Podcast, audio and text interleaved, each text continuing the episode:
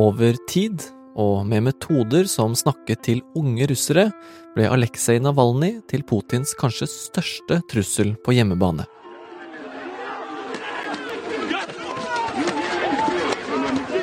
Bildene av demonstrasjoner i over 100 russiske byer gikk verden rundt. Russiske ungdommer ble slått, slengt i bakken og satt i fengsel. Men de smilte. De formet hjertesymboler med hendene og ropte 'Russland skal bli fritt'. Dette er bare noen år siden. Nå er Navalny død. CNN has learned that Alexei Navalny has died. I Moskva og St. Petersburg legger folk ned blomster for å ære Putins største utfordrer. Russia's Federal Prison Service said in a statement that Navalny felt unwell after a walk on Friday and lost consciousness. Vil Navalnyjs død inspirere andre til å fortsette kampen? Du hører på Forklart fra Aftenposten, hvor vi tar for oss én nyhet i hver episode. I dag om hvordan Aleksej Navalnyjs død kan påvirke Putins Russland. Det er mandag 26. februar, og jeg heter David Vekoni.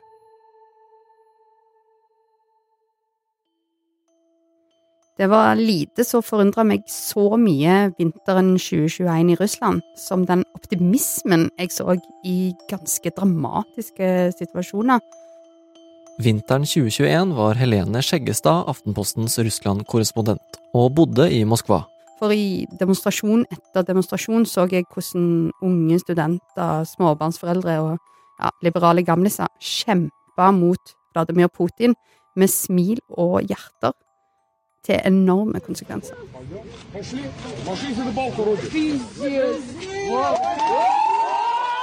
De demonstrerte og smilte fordi deres leder, Aleksej Navalnyj, hadde bedt dem om å gjøre akkurat det. Navalnyj han ba russere om å demonstrere for kjærligheten og for et fritt Russland. Men nå har Russlands opposisjonelle hjerte slutta å dunke. Akkurat hvordan Aleksej Navalnyj døde, er fortsatt uklart. Kona hans Julia mener han ble drept på oppdrag fra Putin, mens myndighetene i Kreml avviser påstanden og sier at Vestens reaksjon er hysterisk. Men nylig gikk moren til Navalnyj ut og sa at hun hadde fått se liket av sønnen sin, og at myndighetene prøvde å presse henne til å godta en hemmelig begravelse.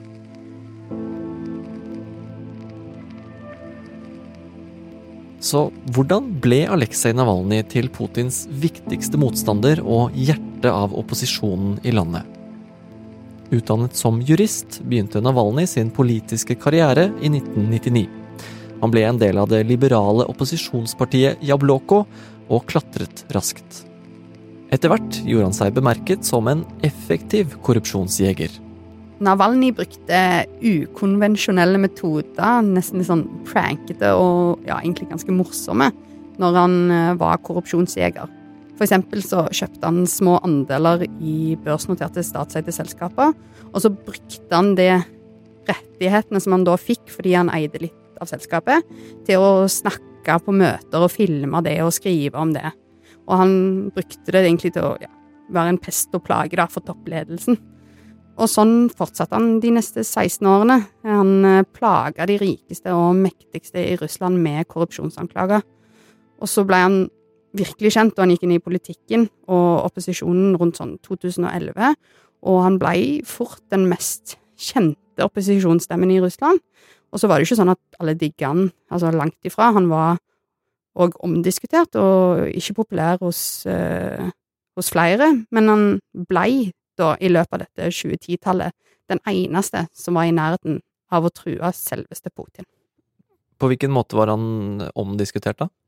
Det er en side ved Navalny som kanskje ikke har fått så mye oppmerksomhet, eh, særlig når vi setter han opp mot alternativet Putin. Men han ble allerede i 2007 ekskludert fra det liberale partiet han var en del av, fordi han markerte seg med såkalte nasjonalistiske synspunkter. Han eh, deltok òg i den kontroversielle russiske marsjen, som da var en årlig nasjonalistisk demonstrasjon, der man òg kunne finne ganske høyreradikale stemmer. Og så hadde han en uttalelse i forbindelse med den russiske annekteringen av den ukrainske Krymhalvøya i 2014, som var litt sånn sketchy og, og kunne misforstås, og kanskje først og fremst brukes da, av Putin-regimet. For det, disse hendelsene med Navalny de har blitt utnytta av eh, Putin og Kreml for hva det er verdt for å sverte han. For det er liten tvil om at Navalny var en av de argeste kritikerne mot Russlands handlinger i Ukraina. Ja, og til tross for noen problematiske uttalelser, så ble han jo en veldig truende figur for eh, Putin. Hvordan klarte han det? Det klarte han egentlig fordi han skjønte én ting bedre enn alle andre russiske politikere.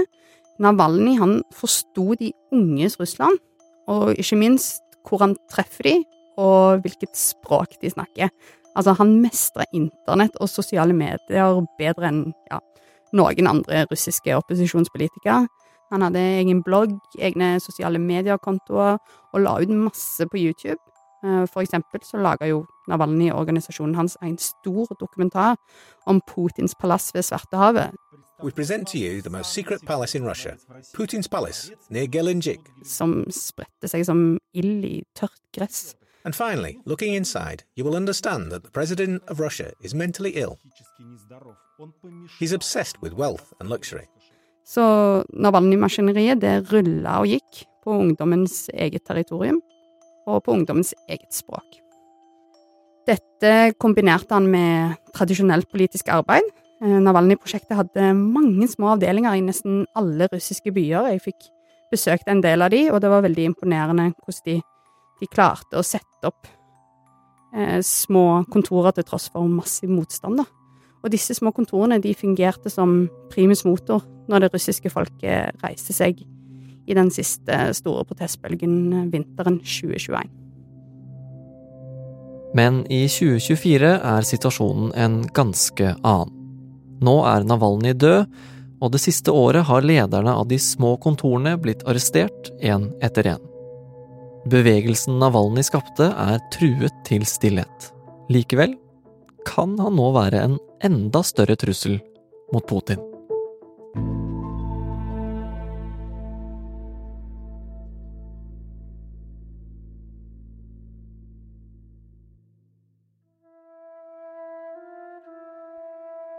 Putin sitt grep om makten i Russland handler om frykt.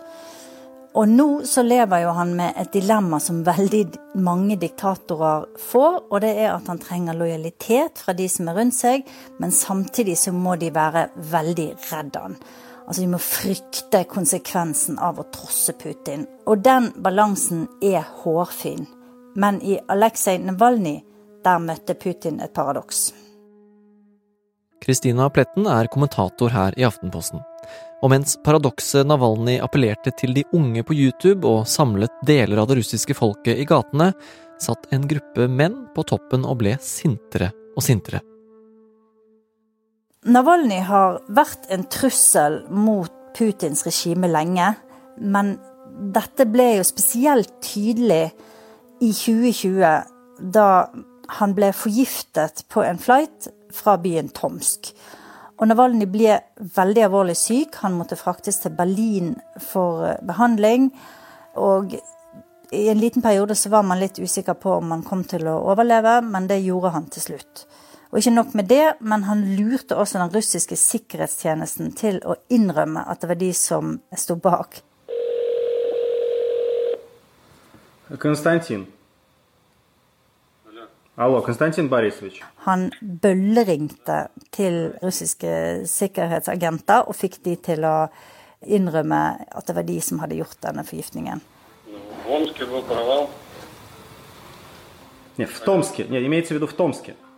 Etter å ha overlevd den farlige giften hadde Navalny et valg. Bli i Berlin, i eksil fra hjemlandet sitt, men tryggere, eller dra tilbake til Russland og fortsette kampen. Altså Hvis Navalnyj hadde blitt værende i eksil etter at han ble frisk, så hadde jo Putins giftplan vært god på en, på en måte, da, fordi at Navalnyj hadde forlatt hjemlandet sitt. Hans innflytelse ville blitt svekket, og han hadde ikke hatt samme slagkraft fra utlandet. Men Navalnyj nektet å la denne fortellingen ende der. I stedet så dro han tilbake til Russland og tvang dermed Putin til å ta et veldig vanskelig valg.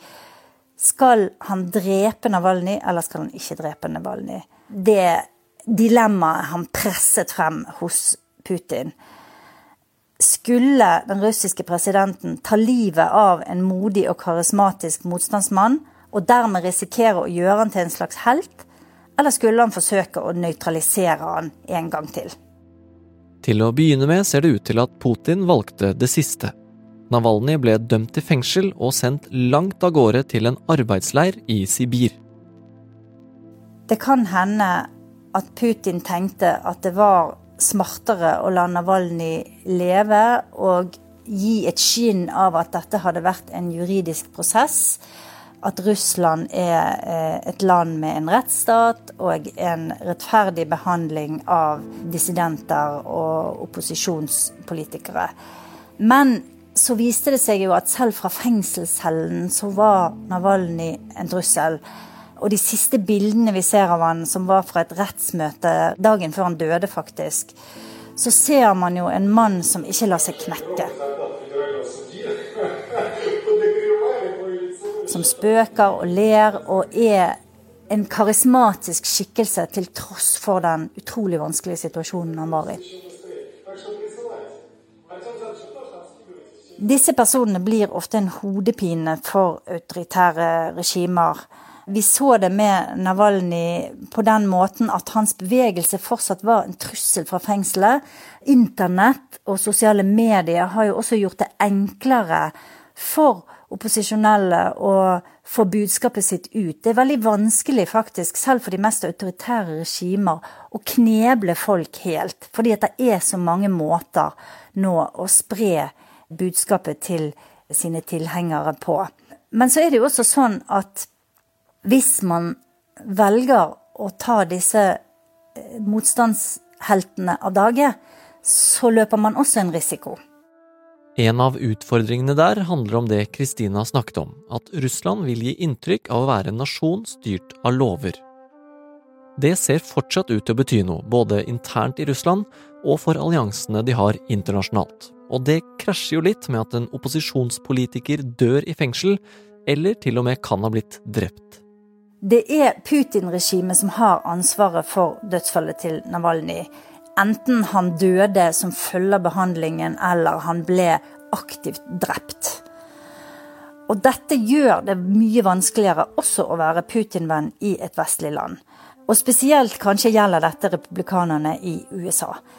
En stor andel av republikanerne er imot å gi mer penger til Ukraina og blokkerer forsøk på å få gjennom militær støtte i Kongressen. Men de er under et enormt press. Det har de vært i månedsvis.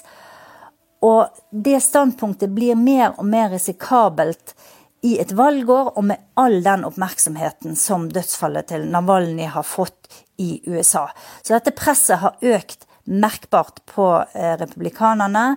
Det kan gjøre det lettere i det lange løp for amerikanerne og europeerne å få gjennom støtte til Ukraina. Og sånn sett så kan det få negative konsekvenser for Putin på slagmarken i Ukraina. Hva med Putins eget folk, da? Altså, hva kan dette dødsfallet gjøre med tilhengerne til Navalny?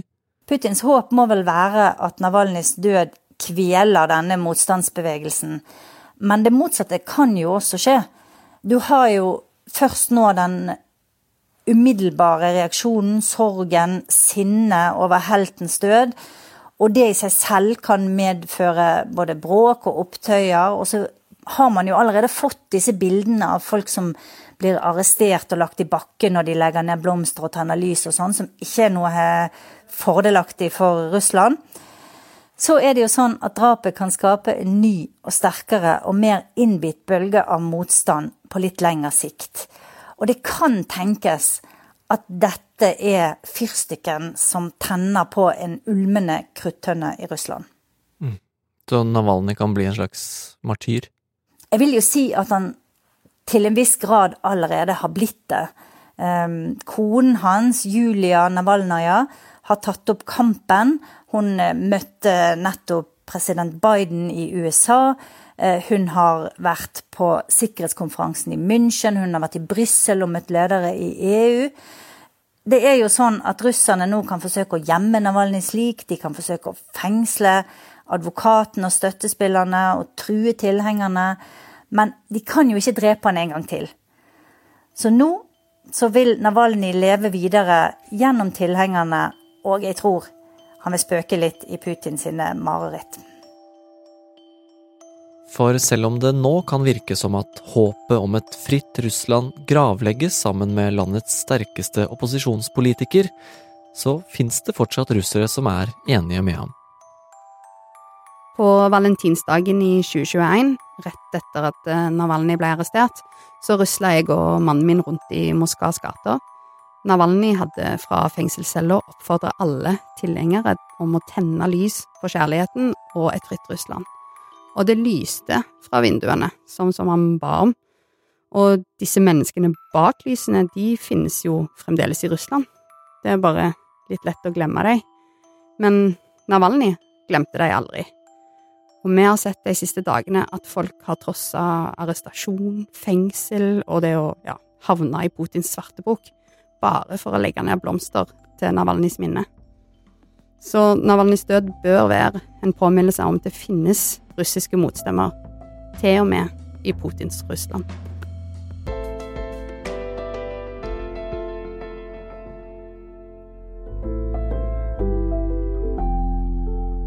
Du har hørt en podkast fra Aftenposten. Alle våre podkaster finner du i Aftenposten-appen eller i Podmy. Der har annet Helene vært med på å lage en serie om Putins Russland som heter Putin og Maria. Den er veldig verdt en lytt. Det var Helene Skjeggestad og Christina Pletten som fortalte om paradokset Navalny. Lyden du har hørt er fra NRK, Deutsche Welle, CNN, Sotavision, Navalnys YouTube-kanal og ekskontoene Kevin Torok og Alex Skryl. Denne episoden er laget av produsent Fride Næss Nonstad og meg, David Vekoni. Og resten av Forklart er Synne Søhol, Olav Eggesvik, Heidi Akselsen, Philip A. Johannesborg og Anders Weberg.